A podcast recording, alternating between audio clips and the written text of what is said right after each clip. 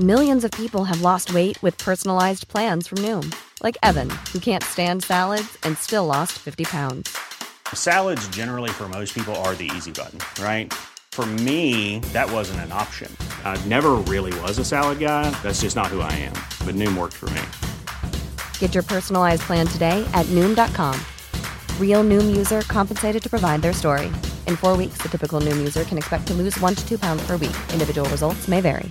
Many of us have those stubborn pounds that seem impossible to lose, no matter how good we eat or how hard we work out. My solution is PlushCare. PlushCare is a leading telehealth provider with doctors who are there for you day and night to partner with you in your weight loss journey. They can prescribe FDA-approved weight loss medications like Wagovi and Zepbound for those who qualify. Plus, they accept most insurance plans. To get started, visit plushcare.com slash weight loss. That's plushcare.com slash weight loss. Hey, it's Ryan Reynolds, and I'm here with Keith, co-star of my upcoming film, If, only in theaters May 17th. Do you want to tell people the big news? All right, I'll do it. Sign up now and you'll get unlimited for $15 a month in six months of Paramount Plus Essential Plan on us. Mintmobile.com slash switch. Upfront payment of $45 equivalent to $15 per month. Unlimited over 40 gigabytes per month. Face lower speeds. Videos at 480p. Active Mint customers by 531.24 get six months of Paramount Plus Essential Plan. Auto renews after six months. Offer ends May 31st, 2024. Separate Paramount Plus registration required. Terms and conditions apply if rated PG.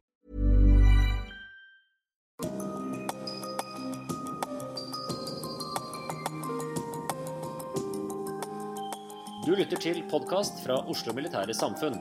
Besøk vår hjemmeside oslomildsamfunn.no, og se oss også på Facebook, Twitter og LinkedIn. Forsvarssjef, admiraler, generaler, kjære medlemmer, kjære gjester her i Oslo Militære Samfunn. Varmt velkommen til det tredje møtet i vårsemesteret 2018. Aftenens foredragsholder behøver ingen nærmere presentasjon i dette forum. Tittelen står eh, her oppe, så jeg sier bare 'forsvarssjef'. Velkommen. Talestolen er din.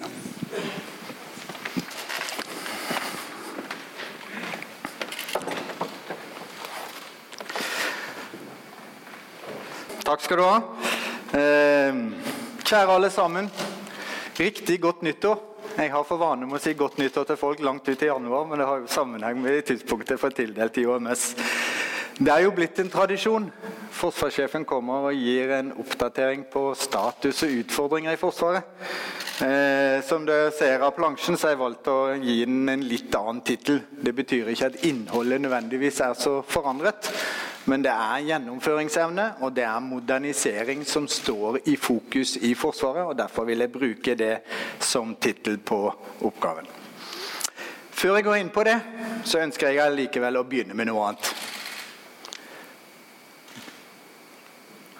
Får du ikke skiftet plansjen?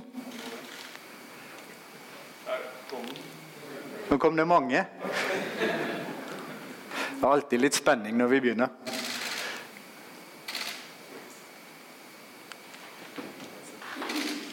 Der. For fire år siden så sto jeg på denne talerstolen og ga uttrykk for at implementeringen av F-35 var det viktigste i min periode som forsvarssjef. Det er derfor gledelig å kunne stå her i dag, fire år senere, og si at den implementeringen går helt i henhold til planen. 22.9.2015 hadde jeg gleden av å overta det første norske F-35-flyet på fabrikken i Fort Worth i Texas, USA. Nummer to fulgte bare få dager etterpå. I 2016 fikk vi to fly til, og i 2017 så fikk vi seks fly til. Det betyr at beholdningen per i dag er faktisk ti stykk F-35. Syv i USA og tre i Norge. Høsten 2015 etablerte Luftforsvaret en utdannings- og treningsteam på Luke Air Force Base i Arizona, også det i USA. Dette teamet ble integrert i en amerikansk treningsskvadron. De har stått ansvarlig for utdanningen, treningen og utsjekket av våre piloter og teknikere i USA. Og De har selvfølgelig også bygget kompetanse på å drive en F-35-skvadron sammen med amerikanerne. En kompetanse som vi nå deler mellom Luke Air Force Base og Ørlandet, slik at vi er i stand til å drifte F-35 i Norge. Når vi er tilbake i Norge, her hjemme, så har Forsvarsbygg fullført alle de kritiske delene av den nye infrastrukturen på Ørlandet innen tidsfristen som var satt. Slik at de første flyene kunne lande på norsk jord 3.11.2017, og operativ testing og evaluering kunne starte. Som dere alle vet, det gjenstår mye før alle F-35 er fullt operative. Og det gjenstår mye før Ørlandet er ferdig utbygd som kampflybase. Men like fullt.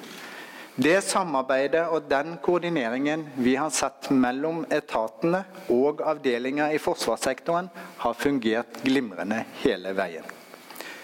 Prioriteringene har vært felles.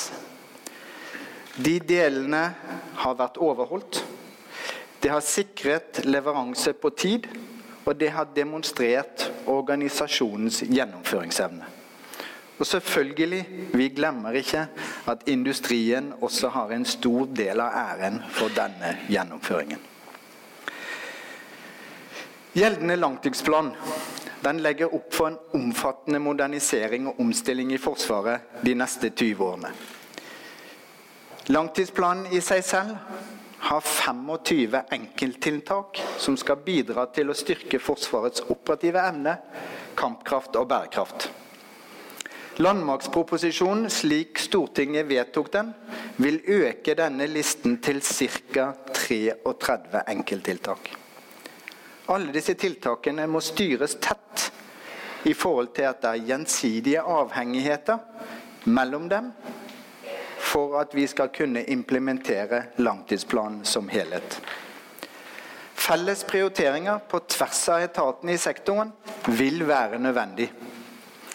Gjennomføringsevnen i de kommende årene vil være det viktigste og den høyest prioriterte egenskapen i Forsvaret.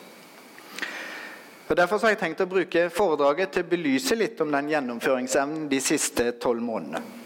Jeg vil beskrive litt om våre operative leveranser, samt implementeringen av de enkelttiltak som er iverksatt i 2017. Og Til slutt så vil jeg komme inn på noen risikoer og utfordringer som vi står ovenfor i tiden fremover. Men først, la meg si litt om den sikkerhetspolitiske situasjonen og forholdene i våre nærområder. Det er ingen tvil, det sikkerhetspolitiske landskapet er endret. Verden har beveget seg bort fra en unipolær situasjon etter den kalde krigen til en ny multipolær situasjon. Russland er igjen blitt en viktig aktør. De baserer sin rolle og sin innflytelse på militærmakten. Selvfølgelig er det atomvåpenet som fortsatt er det viktigste i den sammenheng. Men den konvensjonelle militære evnen har fått økt betydning pga. den moderniseringen og bedringen av reaksjonsevnen vi har sett. La meg bare understreke Russland er ikke fienden. Ei heller ser vi de som en direkte militær trussel mot verken Norge eller Nato. Men de er definitivt en konkurrent med andre interesser og andre verdier enn det vi har i Vestens sikkerhetsfellesskap.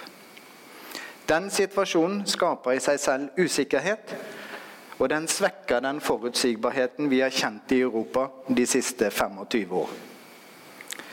Russland har siden i fjor fortsatt sin modernisering av militærmakten. De legger økt fokus på langtrekkende presisjonsvåpen, reaksjonsevne og mobilitet. Vi ser utplassering av disse moderne våpnene langs hele grensen mot Europa. Det kan selvfølgelig ses som et defensivt tiltak, men det kan også, pga. rekkeviddene til disse våpnene, tolkes som en nektelse av Natos bevegelsesfrihet i store geografiske områder. Den storøvelsen, øvelse Zapad 17, som ble holdt i september, lignet til forveksling en storstilt forsvarskamp fra nordområdene via sentralavsnittet og til Svartehavsregionen.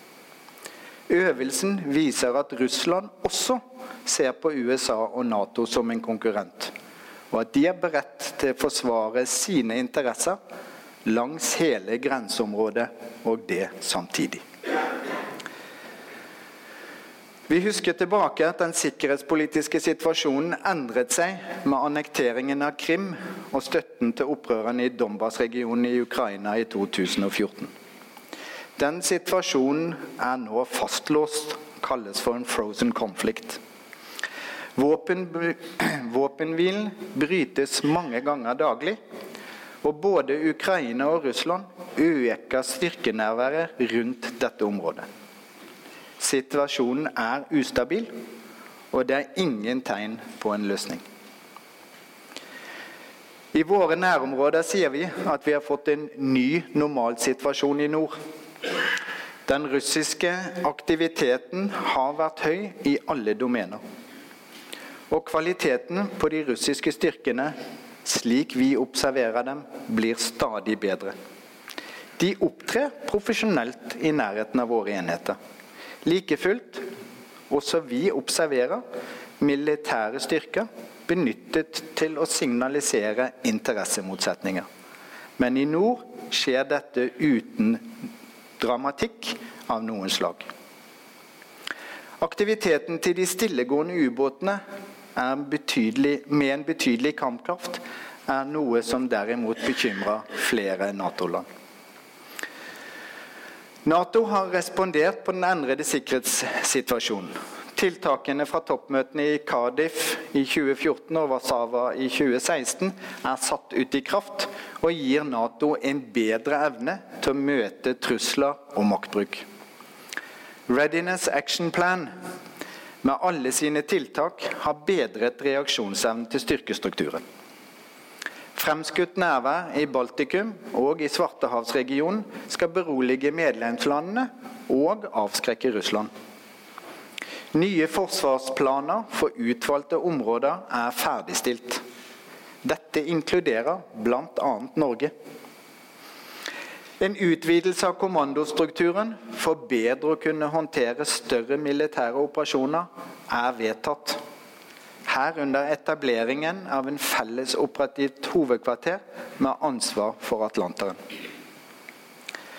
Parallelt med dette oppfordres alle medlemslandene til å øke bevilgningene til Forsvaret, nettopp for å sikre reelt innhold i alliansens militære evne. Oppdaterte forsvarsplaner gjør det jo nødvendig å revurdere behovet for infrastruktur knyttet til forsterkningsplanene i Europa.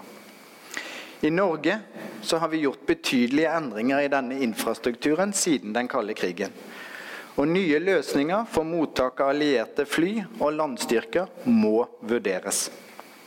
Flere alternativer er lansert og blir vurdert, men foreløpig så har vi ikke konkludert på noen løsning.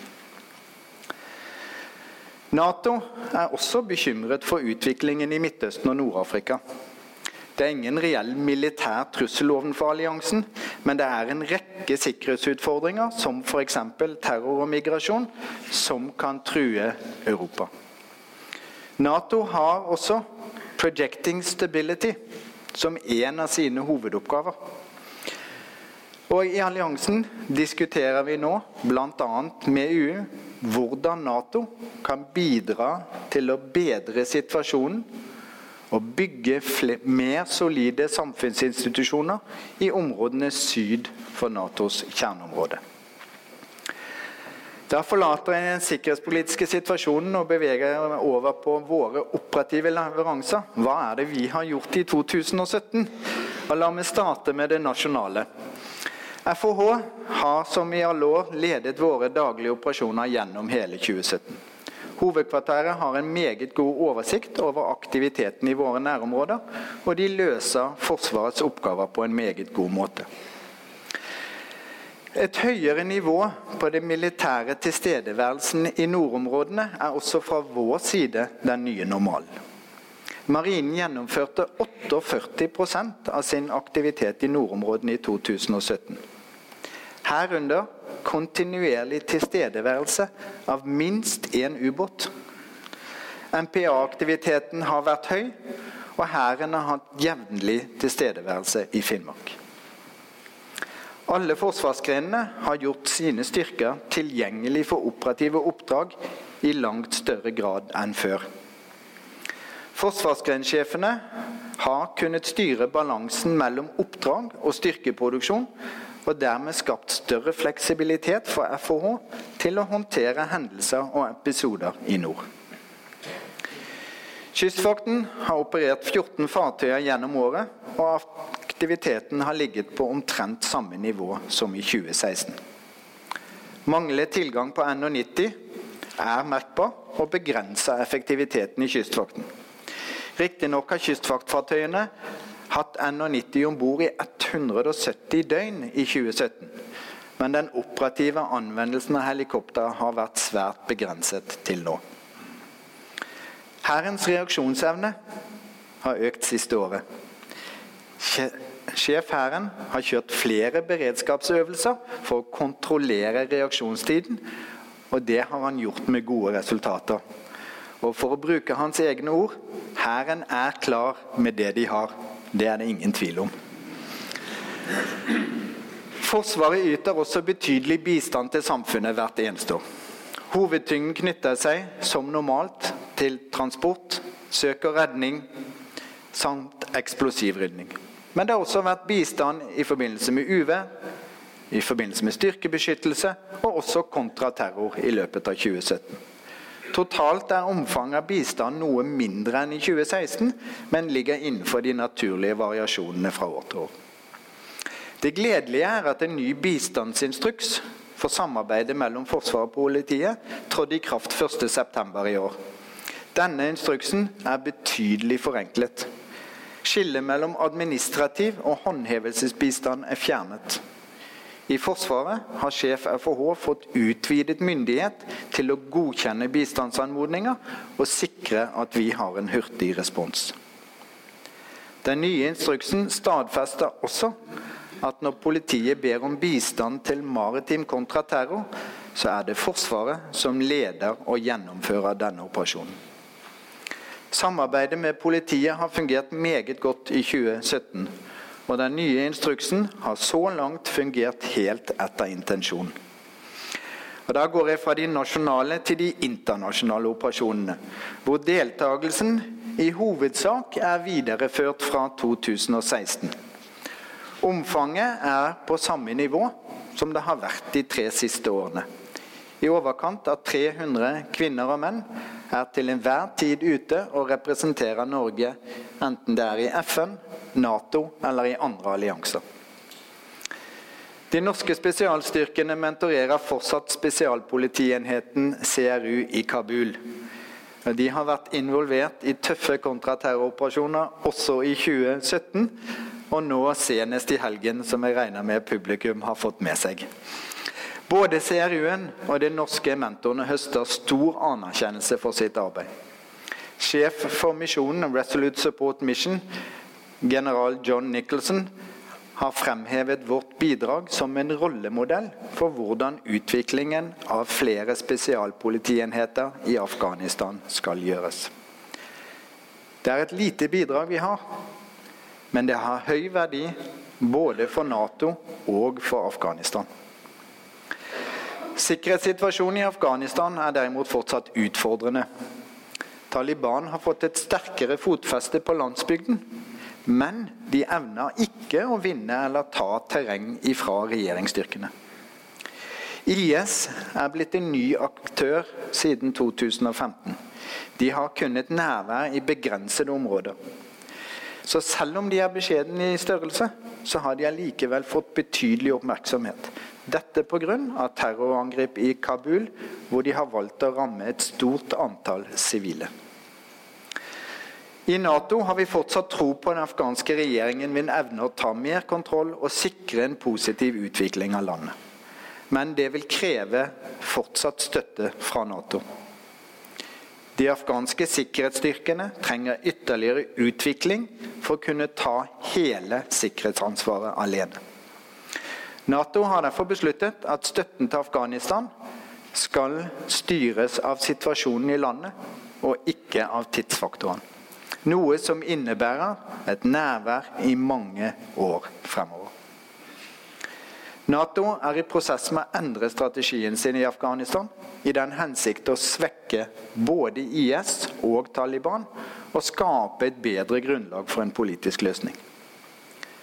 I den sammenheng øker Nato sitt styrkenivå med 10% ved årsskiftet. Og vi i Norge, vi gjør det samme. Da flytter vi fra Afghanistan til Irak. Sommeren 2017 så skiftet vi vår konvensjonelle bidrag i Operation Inherent Resolve fra de kurdiske selvstyreområdene til Anwar provins og Eufratdalen i Irak. Etter ønske fra USA så fremskyndet vi deployeringen vår og en task unit fra Telemark bataljon. De gikk umiddelbart inn i fremre linje og mentorerte en av de irakiske brigadene som frigjorde flere av byene langs elven på vei nordover til den syriske grensen ved Al-Qaim. Vår evne til å bidra hurtig med en etterspurt og robust avdeling i denne operasjonen høstet betydelig anerkjenning hos våre allierte. Sjef Telemarks bataljon, som selv deployerte med avdelingen, og hans soldater, fikk også mye ros for hvordan de løste sine oppdrag under fremrykkingen mot Al Qaim. Statsminister Haida al-Abadi programmerte seier over IS 9.12.2017. Det er helt riktig at IS har mistet det territoriet de kontrollerte. Men fortsatt så finnes det lommer med IS-krigere, både i Irak og i Syria, og de truer jevnlig stabiliteten i området. Operation Inherent Resolve vil derfor fortsette enda en tid. Først i form av stabiliseringsoperasjoner, men etter hvert vil den gå over i en ny fase, hvor man vektlegger oppbygging av de regulære irakiske styrkene. Og Det pågår nå diskusjoner om Nato skal ta en større rolle i denne oppbyggingen.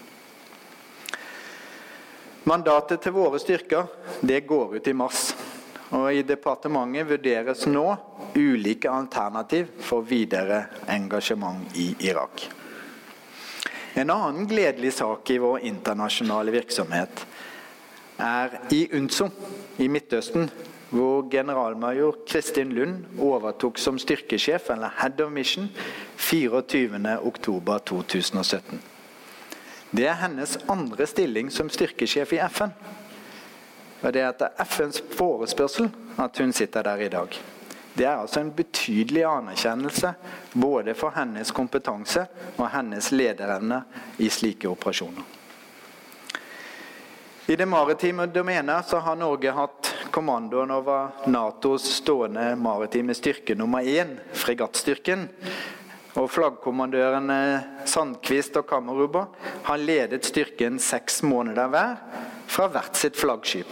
Først KNM Roald Amundsen, og deretter KNM Otto Sverdrup. Denne styrken har operert både i Middelhavet og i Østersjøen, og de har demonstrert Natos nærvær i viktige områder gjennom hele året. I tillegg har to mineryddere deltatt i minerydderstyrken i totalt åtte måneder.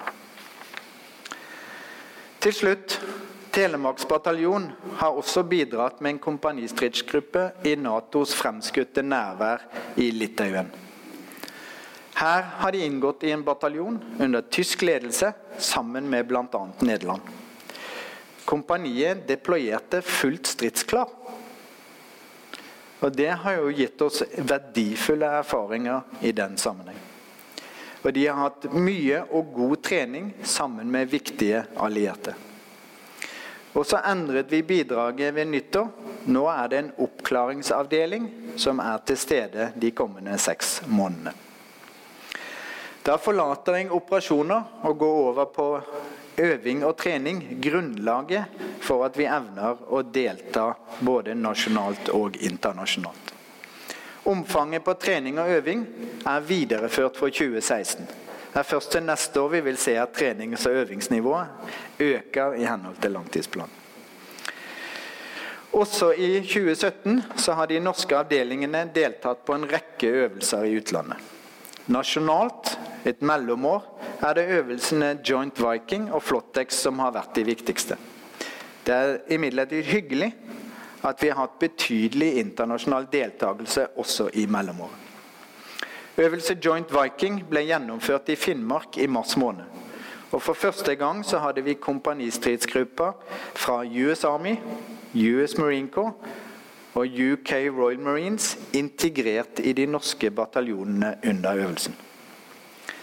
En ting som undertegnede syntes var gledelig å se under besøket, det var hvordan innsatsstyrkene i HV-17 ble integrert i Brigade Nord. Og få demonstrert hvordan dyktige heimevernssoldater faktisk bidro betydelig inn i manøveravdelingene. I utlandet har vi deltatt i øvelse Ball Quest med vel 200 mannskaper. Dette er en øvelse som fokuserer på teknisk interoperabilitet og standardisering i forbindelse med nettverksforbindelser mellom nasjonene. Mulighetene som ny teknologi gir, ble også utprøvd på øvelsen, og nasjonene kunne dele både kunnskaper og erfaringer med hverandre. I denne rammen utvikler vi Federated Mission Network, som er et standardisert nettverk med felles prosedyrer og prosesser og som vektlegges av Nato. Her er Norge langt fremme, både på teknologien og på den operative anvendelsen. Og vi har nå fått en ledende rolle i utviklingen av Federated Mission Network. La meg gå litt over på alliert trening i Norge, noe som har vært omtalt i media behørig i den senere tid. Mange allierte avdelinger har trent i Norge opp gjennom årene. Dette er jo fordi at terrenget vårt og klimaet vårt utgjør krevende forhold som våre allierte må kunne mestre. Noen av styrkene har alltid ønsket å være for seg selv, men stadig flere ønsker nå å trene med norske avdelinger. Dette henger bl.a. sammen med den anerkjennelsen vi har fått som soldater og mentorer ute internasjonalt. Langtidsplanen stadfester jo også det, at det er ønskelig fra norsk side å trene mer med våre allierte i Norge. Og at vi flytter dette til Hærens kjerneområder. Det passer også med våre mottaksplaner for krise og krig. Britiske Royal Marines flytta sin trening fra Harstad til Indre Troms allerede i år. Nederlandske Marines de blir i Hasta i 2018, men flytta til Indre Troms i 2019. Det gjør at vi kan avhende Åsegarden i henhold til planen. Og at de frigjorte midlene planlegges brukt til å øke forlegningskapasiteten i Indre Troms. Per i dag så er Royal Marines til stede på Bardufoss med 350 soldater, samt at den britiske helikopterstyrken er på samme sted, også de med ca. 350 soldater. Nederlenderne er i øyeblikket på Åsegarden med vel 600 soldater, og US Marine Corps på Værnes med 330. De allierte deltar alle på trening og øving sammen med norske styrker fra alle forsvarsgrener. Det har også vært sagt og skrevet mye om US Marine Corps' tilstedeværelse i Trøndelag og forholdet til norsk basepolitikk det siste året. Spørsmålet om hva som er en base i denne sammenheng, det er jo selvfølgelig et politisk anliggende, og jeg skal la det ligge der. Men det er viktig å peke på at det er stor forskjell på amerikanske baser for øvrig i Europa og US Marine Corps nærvær i Trøndelag. For det første så er det ikke en amerikansk leir, men de leier kaserner i en norsk leir på Værnes og er underlagt den norske ledelsen der. For det andre så er det ikke snakk om en fast stasjonert kampavdeling. Men det er en treningsavdeling som roterer treningsstyrken hver fjerde til sjette måned. Det som er større i omfang, er det som finner sted senere i år. Nato-øvelsen Trident Juncture holdes i Norge i oktober-november 2018. Dette er Natos storøvelse med deltakelse fra 24 nasjoner ca. 35 000 soldater, 70 fartøyer og 150 fly. For Nato er hensikten synlighet og styrkedemonstrasjon. For Norge så gir denne øvelsen muligheten til å teste vår egen evne til å yte vertslandsstøtte i stort omfang. I tillegg kan både Nato og Norge få mulighet til å teste deler av de nye forsvarsplanene. Jeg pleier å si at øvelsen blir et nasjonalt løft. For det er den totale evnen til å forsvare landet vårt som blir øvd. Alle må bidra. Forsvaret, lokale myndigheter, en rekke etater og sivile kontraktører. Alle vil spille en meget viktig rolle under øvelsen, og det er DSB som har oppgaven og den sentrale rollen å koordinere hele den sivile innsatsen. Vi hadde en kommandoplassøvelse i oktober, Trident Javelin. Den ble gjennomført i Norge.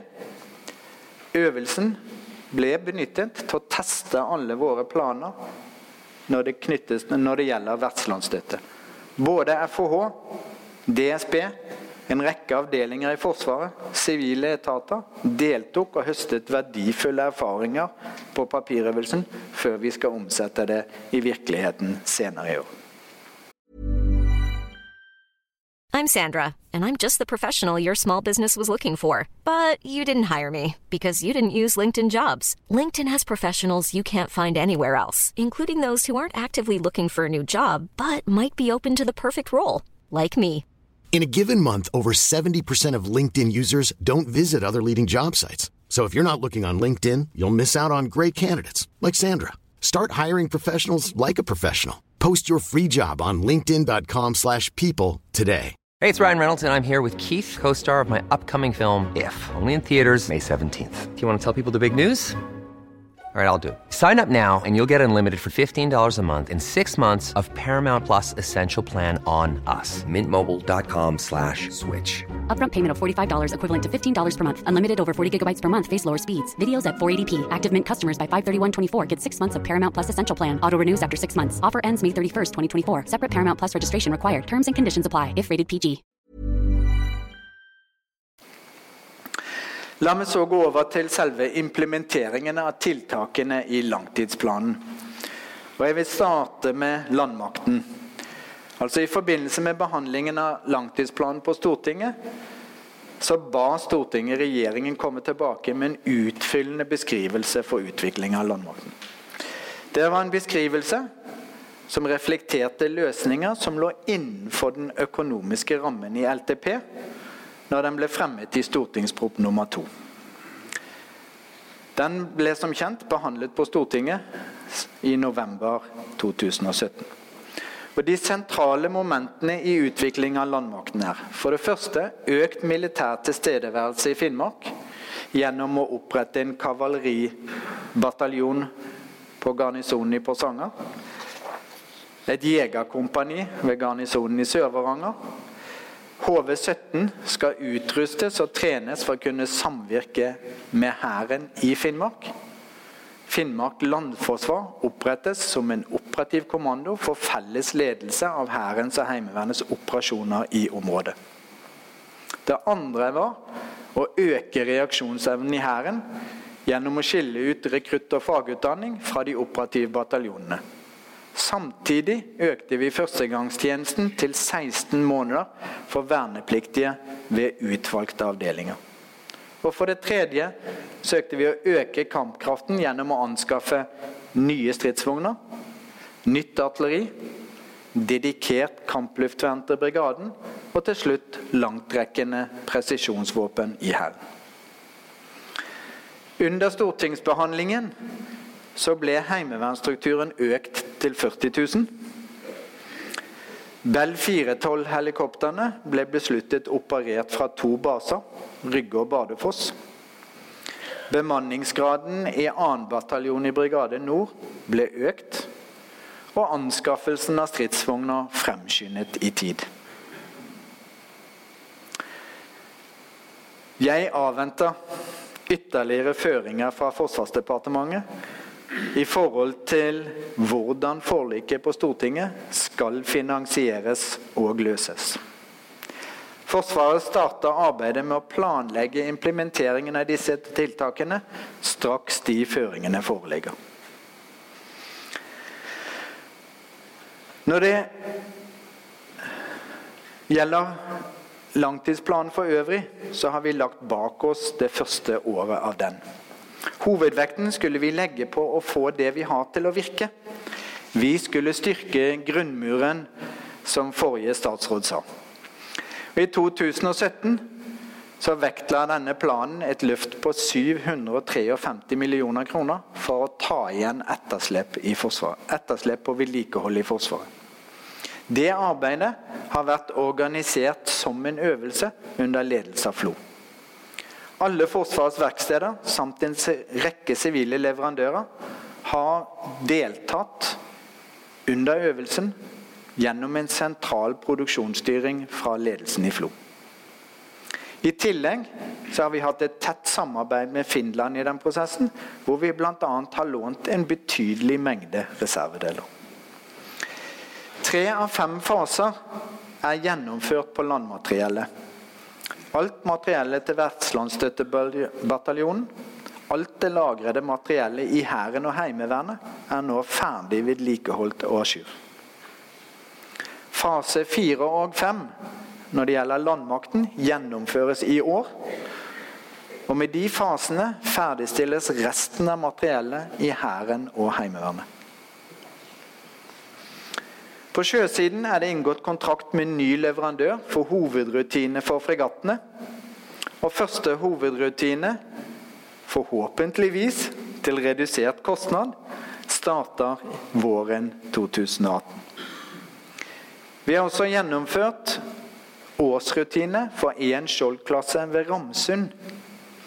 Arbeidet her ble også organisert som en øvelse, og viste at man ved hjelp av å kraftsamle innsatsen maktet å gjennomføre dette vedlikeholdet på halvparten av den normale tiden. Så ikke halvparten av antall årsverk eller timeverk, men halvparten av tiden. Produksjonsstyring som er måten FLO har organisert ting på nå, og som er blitt implementert under øvelse vedlikehold, har gitt betydelige produktivitetsøkninger ved alle Forsvarets verksteder. Ytterligere sentralisering eller organisasjonsendringer innenfor, innenfor vedlikeholdet er noe vi har til vurdering nå.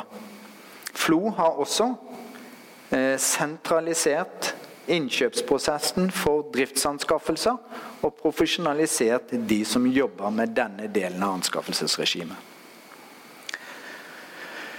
En av de andre tiltakene som ble besluttet, var at forsvarsgrensjefene skulle gjenopprettes 1.1.2007.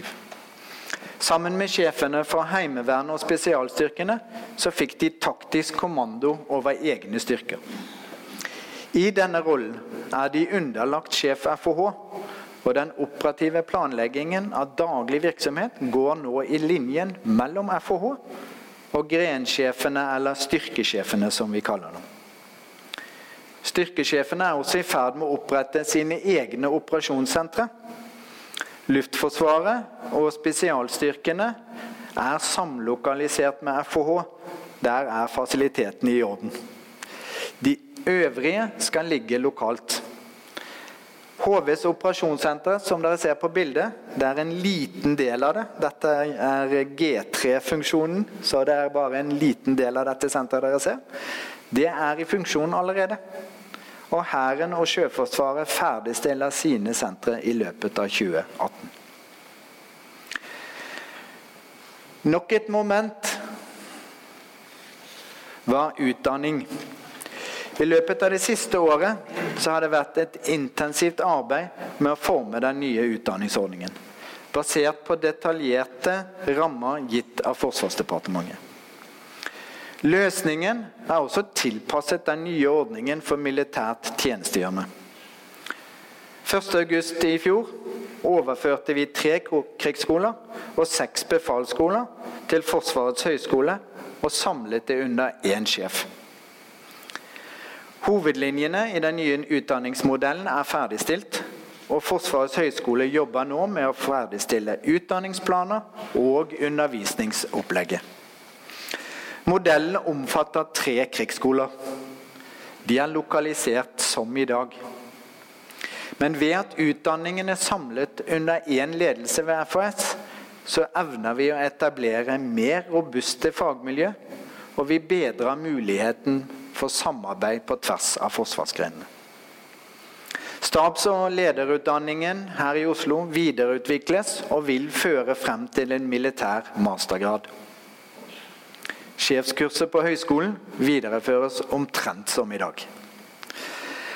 Antallet befalsskoler derimot reduseres fra seks til én. Befalsskolen innrettes mot nødvendig lederutdanning for de som tilsettes på OR5-nivå, altså som sersjant eller kvartermester. I tillegg så utvikles det videregående utdanning for OR-korpset i regi av høyskolen. Den øvrige utdanningen regner vi som fagutdanning, og den legges til våpenskolene i de respektive forsvarsgrenene. Det er et krevende omstillingsløp. Det er i full gang, og planen for utdanningsreformen vil kunne realisere den vedtatte innsparingen på 560 millioner innen 2021. Modernisering. En viktig del av modernisering er selvfølgelig våre investeringer. Kampkraften skal styrkes gjennom å fornye sentrale komponenter i alle forsvarsgrener. Moderniseringen er kostbar, og store summer settes av på investeringsbudsjettet både i FMA og i Forsvarsbygg. Investeringene i 2018 utgjør 17,7 milliarder kroner. Ca. 15 av de går til materiell, og ca. halvparten av det igjen er F-35. I tillegg så kommer 2,7 milliarder til EBA-investeringer fra Forsvarsbygg. Investeringene, slik Nato regner det materiellmessig, utgjør i overkant av 27 av forsvarsbudsjettet. Og dette er en andel som kommer til å øke ytterligere i årene fremover. Anskaffelsen av fem nye maritime patruljefly er besluttet i Stortinget. Kontrakt er inngått med US Navy om kjøp av nei, fem P8 Poseidon. Flyene planlegges overtatt mellom 21 og 23. Kampluftvernet til Hæren er besluttet i Stortinget, og systemet planlegges innfaset mellom 2019 og 2021. Nytt artilleri til Hæren er besluttet. Leverandør er valgt, og Forsvaret anskaffa 24 skyts av typen K9 Thunder fra Sør-Korea. Og artilleriet leveres mellom 2019 og 2021. Leverandør for tre nye helikopterbærende kystvaktfartøy til erstatning for Nordkapp-klassen er valgt. Kontraktsforhandlinger pågår, og fartøyene planlegges levert mellom 2021 og 2023. Og til slutt det tyske verftet ThyssenKrupp er valgt som leverandør for fire nye ubåter av typen HDV 212. Kontraktsforhandlinger pågår, og båtene skal leveres mellom 2026 og 2030. Som dere ser er det betydelige investeringer i det korte perspektiv på å modernisere strukturen. La meg gå over på økonomi. Det er den viktigste forutsetningen for at vi skal kunne gjennomføre langtidsplanen. Økonomien består av to elementer. Det ene elementet er en gradvis økning av forsvarsbudsjettet til et nivå som ligger 7,96 milliarder høyere i 2020 enn det det var i 2016. Det andre elementet er at Forsvaret skal realisere effektiviseringsgevinster på 1,4 milliarder innen 2020. Som dere ser på plansjen, i løpet av de første to årene av langtidsplanen så har regjeringen lagt inn 3,52 milliarder, eller 44% av den økonomiske satsingen allerede. I tillegg så er det enkelte forhold som ikke var en del av langtidsplanen, som er finansiert separat. Målsettingen om å effektivisere driften, og her ser dere målsettingen for alle årene fremover. Målsettingen om å effektivisere driften med 285 millioner i 2017 ble nådd med god margin.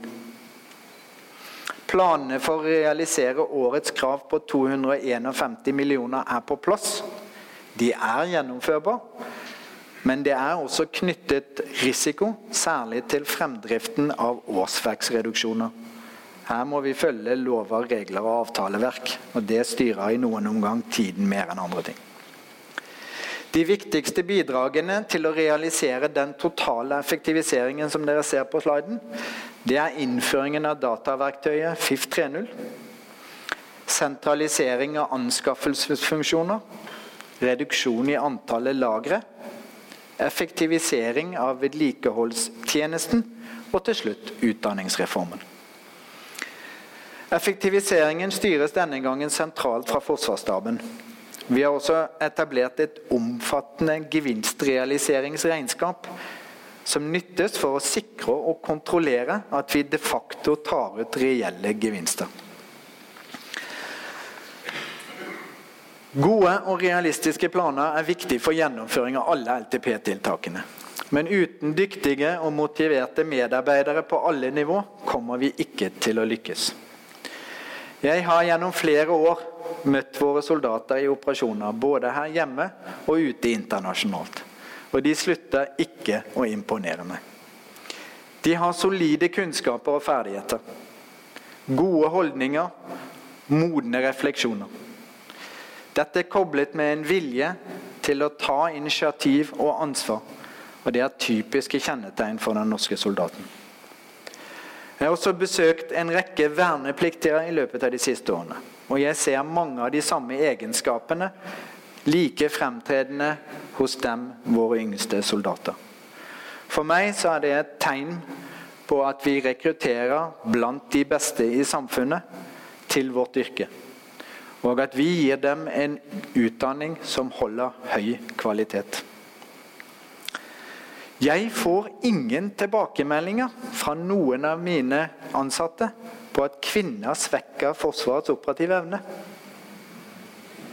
Snarere tvert imot så både ser jeg og hører om dyktige kvinner som løser krevende oppdrag sammen med sine mannlige kollegaer.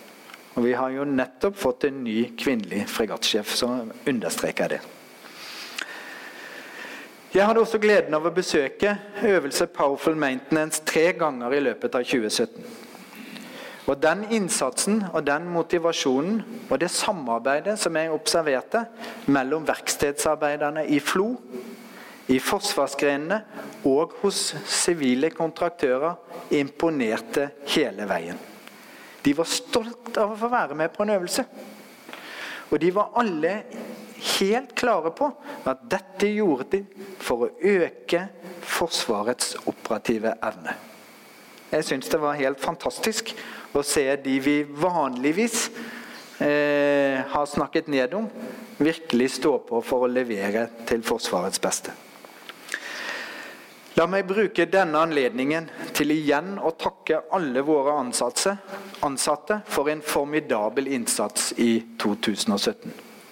Dere, hver og en, gjør meg trygg på at vi har de rette menneskene for å gjennomføre den krevende moderniseringen som langtidsplanen faktisk er. Når vi er inne på det Vi ønsker jo også alle at arbeidsplassen vår skal være både trygg og god. Vi ønsker å ha et mangfold. Det styrker oss som organisasjon, og det styrker oss som individer. Vi har sagt i årrekke vi har nulltoleranse mot alle former for trakassering. Det betyr at vi må aktivt forebygge og forhindre den type oppførsel. Vi må gjøre noen ting, alle og enhver. Den som blir forulempet, må si fra. De som bivåner at noen blir trakassert, de må gripe inn. Og vi som ledere vi må ta tak i den type hendelser umiddelbart. Og vi må gi en tilpasset reaksjon, slik at vi tydelig markerer at den utviste atferden er uakseptabel i Forsvaret. Og alle varsler forventer jeg, i likhet med statsråden, at blir tatt alvorlig. Så litt over til utfordringer og risiko. Forsvaret er en omfattende virksomhet. Det er mange tiltak som er knyttet til moderniseringen vi nå skal gjennom. Og det er naturlig at det er både utfordringer og risikoer i perioden foran oss. Og La meg bruke denne anledningen til å trekke frem noen viktige risikoer. For det første forliket på Stortinget knyttet til utviklingen av landmakten øker Forsvarets driftskostnader med flere hundre millioner hvert år. Jeg forutsetter at disse kostnadene dekkes utenfor LTP-satsingen. Alternativet vil være en betydelig ubalanse mellom oppgaver og ressurser, som kun kan håndteres ved å stanse høyere prioriterte tiltak fra den vedtatte langtidsplanen. Forsvaret har fått et økonomisk løft, som jeg viste på plansjen i sted. Men samtidig sier jeg at handlingsrommet er redusert. Det henger sammen med at de økte ressursene er øremerket for spesifikke tiltak. Samtidig skal den øvrige del av virksomheten vår effektiviseres ytterligere. Jeg er derfor på vakt mot enhver form for ambisjonsøkning, enten den er eksternt påført eller internt generert.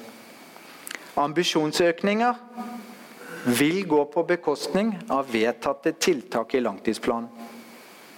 Det kan være nødvendig å gjøre det, men da må det være akseptert på alle nivå og være bevisste valg.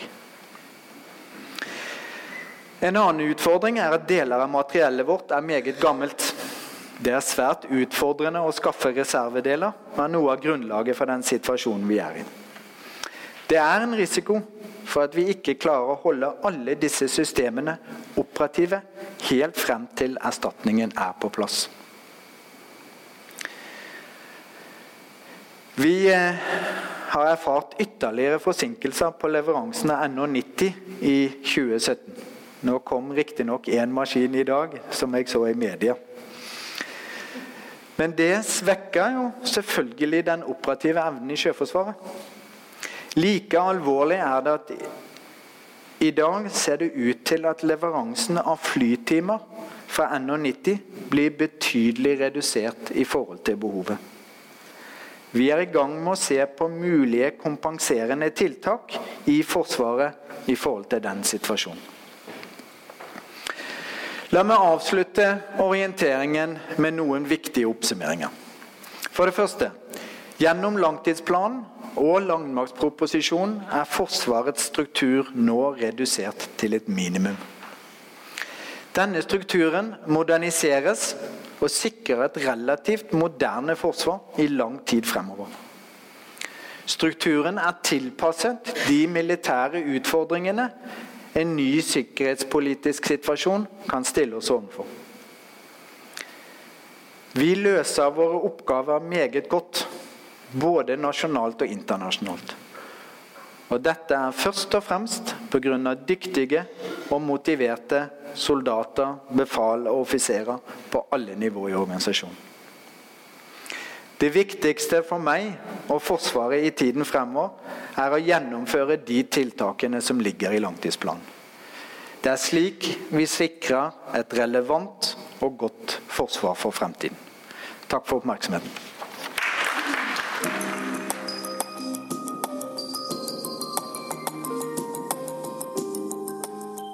Du har hørt podkast fra Oslo Militære Samfunn. Besøk vår hjemmeside oslomildsamfunn.no og besøk oss gjerne på sosiale medier som Facebook, Twitter og LinkedIn.